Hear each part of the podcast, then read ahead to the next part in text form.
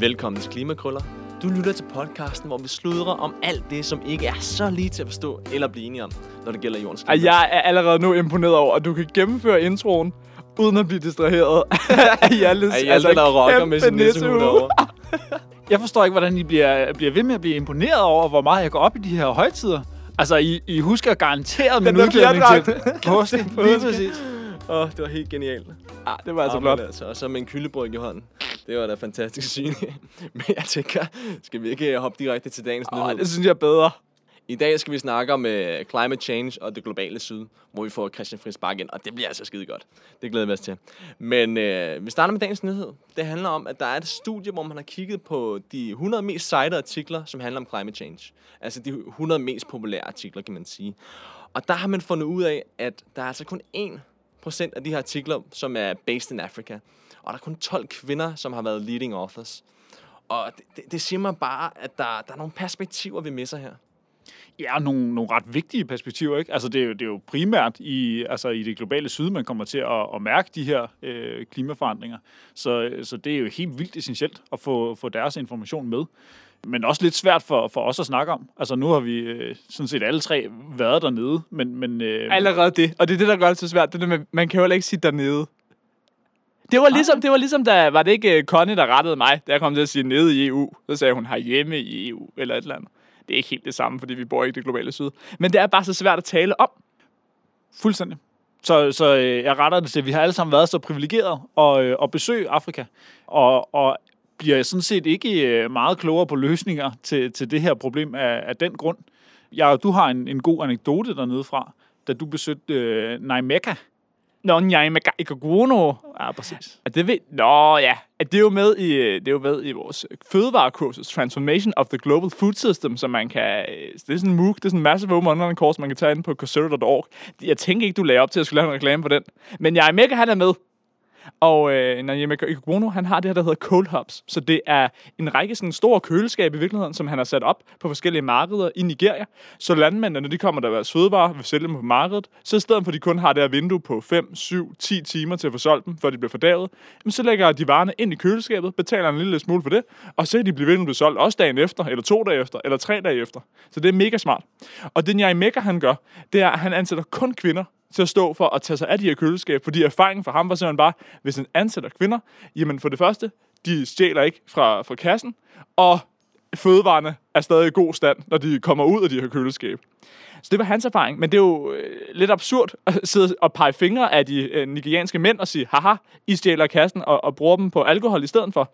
Fordi øh, vi er jo ikke i nogen position, os tre, til at kunne sidde og vurdere, om det er rigtigt. Men, men det var bare, Nyamekas erfaring, det var, ansæt kvinder, hvis du skal have gode resultater.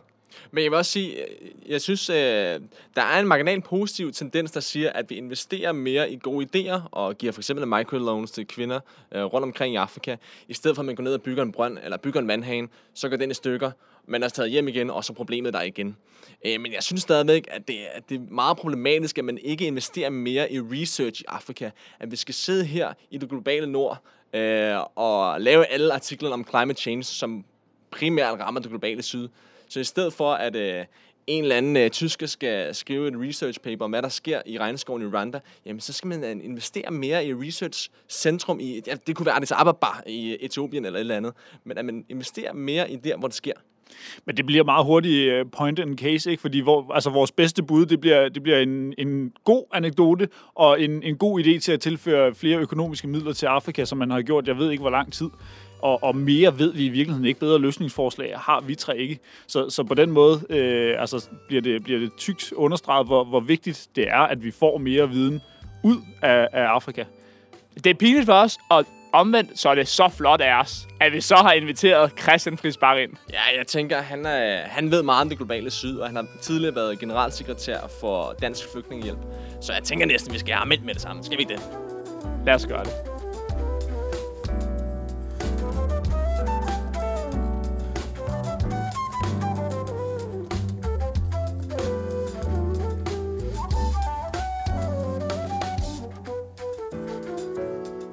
Velkommen til, Christian. Tak for det. Normalt, når vi har folk i studiet, så taler vi gerne om øh, globale klimaforandringer, eller hvordan det ser ud i Danmark. Men øh, vi har dig i studiet, fordi vi gerne vil snakke om, hvordan det ser ud i det globale syd.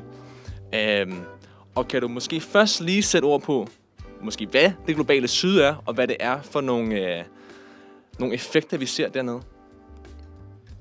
Du ser jo klimaforandringer, der rammer meget tydeligt. Jeg kan huske det, hvor jeg for alvor fik øjnene op for det, det var allerede, det var for 12 år siden, der var jeg i Sundarbans. Okay. Det ligger nede mellem uh, Indien og Bangladesh. Det er deltaget. Verdens største Ja. vådmandsområde. Ah, det er det. Du skal Lige ikke præcis. udfordre verdensmanden på geografi. Rasmus, Det han har er- styr på sin geografi. Sundarbans, ja, det, er- det er godt, du har styr på det. Det var den indiske side af Sundarbans. Og det område, jeg var der, der var 100 øer, cirka. Og jeg tror, det højeste punkt på de her øer, det var en meter over havet. Øh, Der boede omkring 5 millioner mennesker, det samme som Danmarks befolkning. Og der var jeg ude på de en af de øer og besøge en familie, familien Das. Far og mor og to børn på 10 og 9 år. Nægten, han var på 9, han var der. Og, og de var ved at pille deres hus ned og flytte for tredje gang, fordi den ø, den øh, forsvandt. Sundarbans er et af de områder, der kan blive hårdest ramt, fordi du har alle effekterne samtidig. Ikke? Du har havanstigninger, på det tidspunkt var det vel omkring 20 cm. Du har meget kraftig vind, og som presser hele vand, vandet, øh, bengalske bugt, det op i det område. Så har du oversvømmelser på grund af, at Gangesfloden, som udløber ja. der, den, øh, den bliver fyldt fuldstændig op, når regnen den falder, og monsunen den rammer. Og der ligger så de her øer lige midt i det. Og de øer har altid forandret sig. Det er et deltaområde, så øerne kommer og går og forandrer sig, men det går bare meget stærkere. Og jeg kan huske, at jeg spurgte familien der, hvorfor tror I, at det her sker? Og, og faren han sagde, at han havde set nogle meget store skibe, der sejlede derude. og han tænkte, det var måske dem, øh, hvor er det der, dejligt. der gjorde, at, at de der, det, det skete så hurtigt. Det var Øh, bølgeskulp over lang tid. det var bølgeskulp, men det var meget markant, altså, og, og det gjorde et udsletteligt indtryk øh, på mig, den her lille familie. Ikke? De har mistet alle deres jord tre gange, ikke? og han stod der og var ved at pille det der bambushus ned, og så har de fået en sort præsending, som vi så var hen og besøge bagefter, hvor de nu boede øh, under. Og, og jeg kan huske, at det, det ramte mig faktisk lidt, familien Das der. Og, og jeg tog hjem til min knæk på 10 år, og jeg fortalte om det der, og, det, øh, og han lå vågen i en hel uge. Øh, han studerer fysik nu, øh, Okay.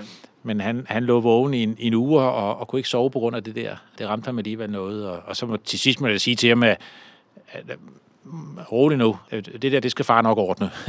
og, og siden har jeg prøvet at gøre en lille smule.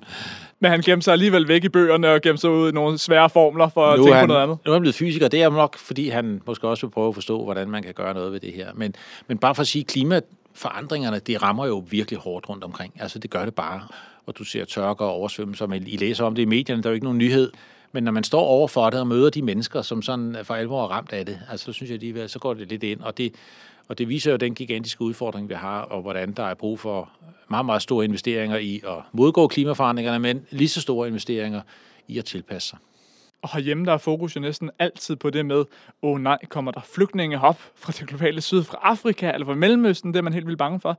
Men rigtig mange flygtninge, det er jo virkelig internt i de lande, som folk har boet i. Er det ikke især de problemer, man ser, når vi ser effekter af klimaforandringer? Jo, det er 90 procent, 80-90 procent af alle flygtninge er interne, men, og det er i høj grad det, du ser. Og det er også det, du i høj grad vil se, når, når oversvømmelserne for alvor begynder at ramme rundt omkring, ikke? og man må trække sig væk fra byområder, eller tørkerne rammer, og man må bevæge sig videre.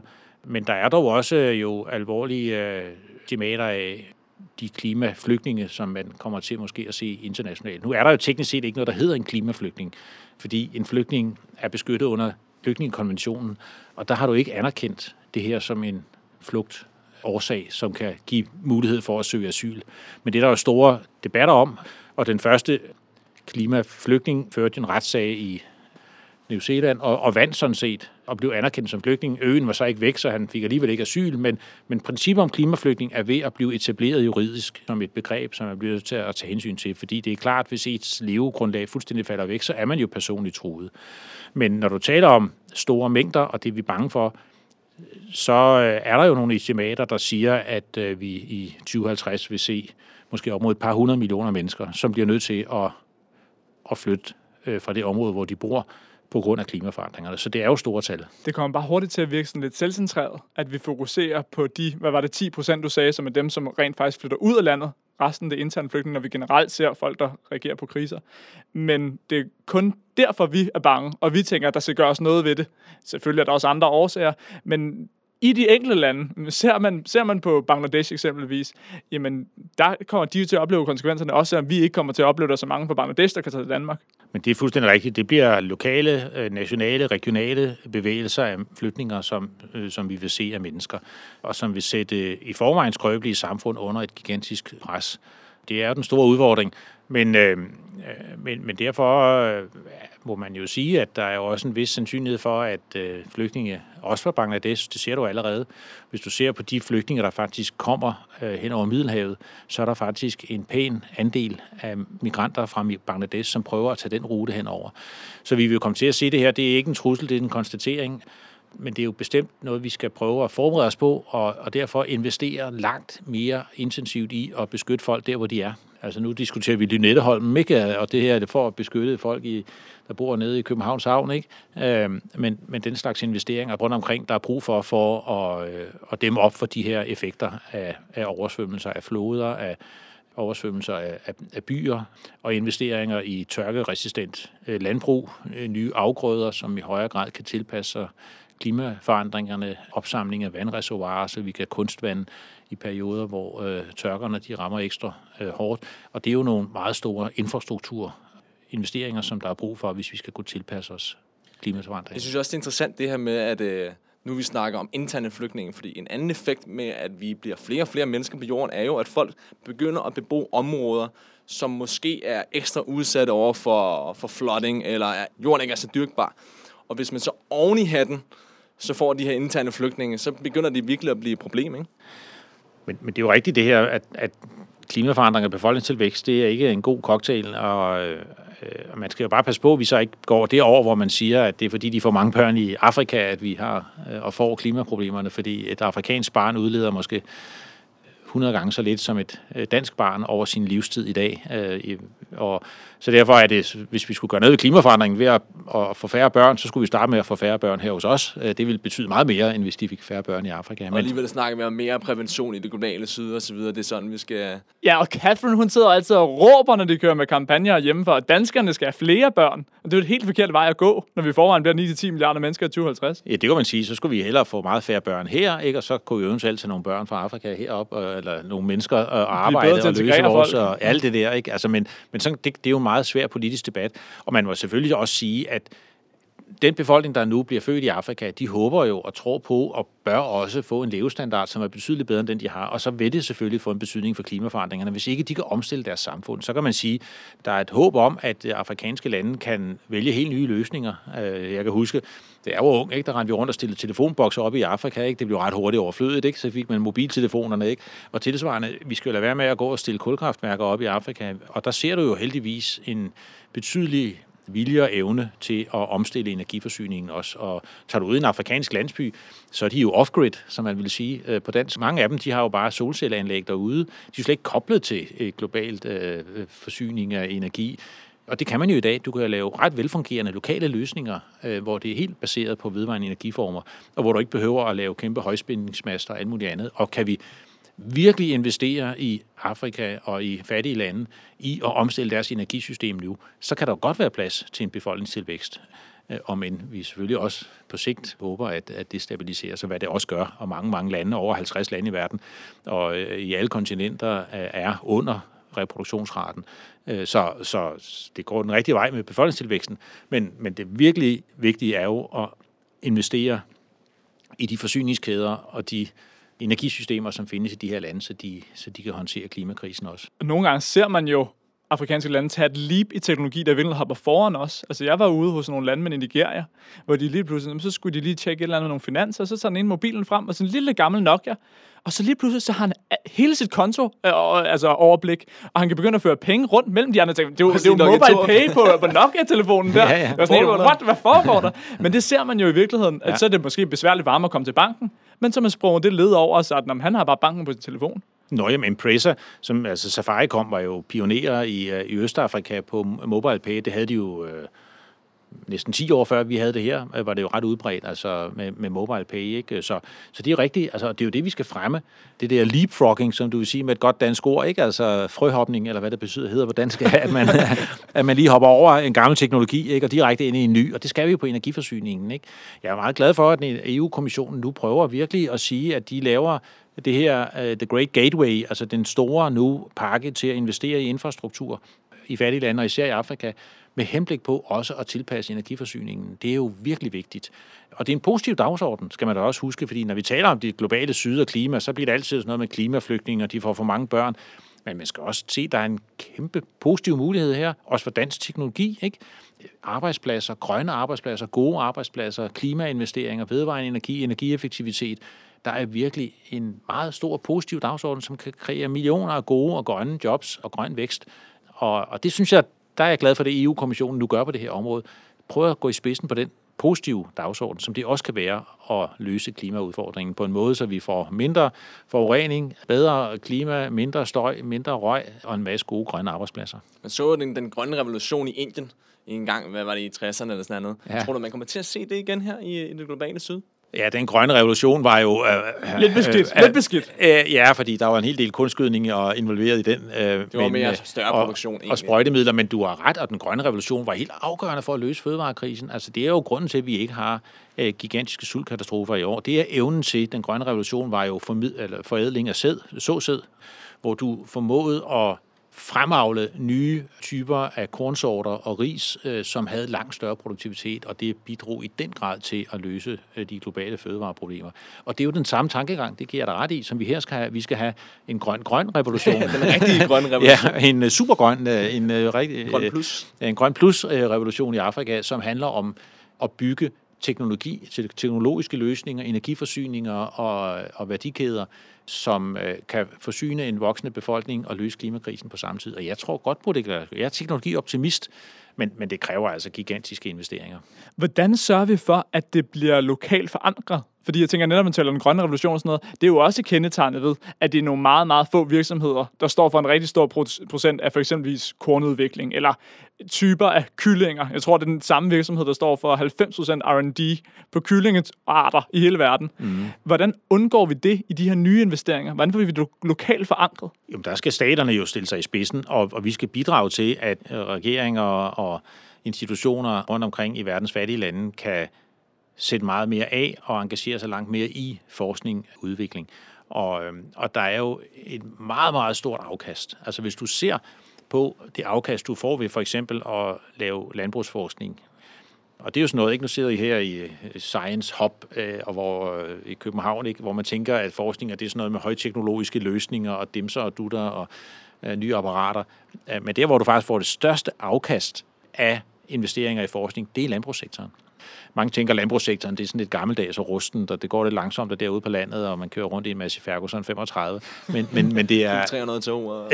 ja, men, men det er faktisk, det hvor du har de største produktivitetsgevinster, det er faktisk typisk i landbrugssektoren. Og kan vi investere i god, bæredygtige landbrugsproduktionssystemer øh, i Afrika, og få lokal ejerskab til det, øh, og få udbredt de her nye sorter og produktionsmetoder, så er der gigantisk potentiale, både for at løse klimaforandringer, og også for at skaffe fødevareforsyning, og det er jo det, vi skal investere i. Der er jo også en masse bioenergi involveret, som man kan få til at, at fungere i, øh, i, i fattige lande.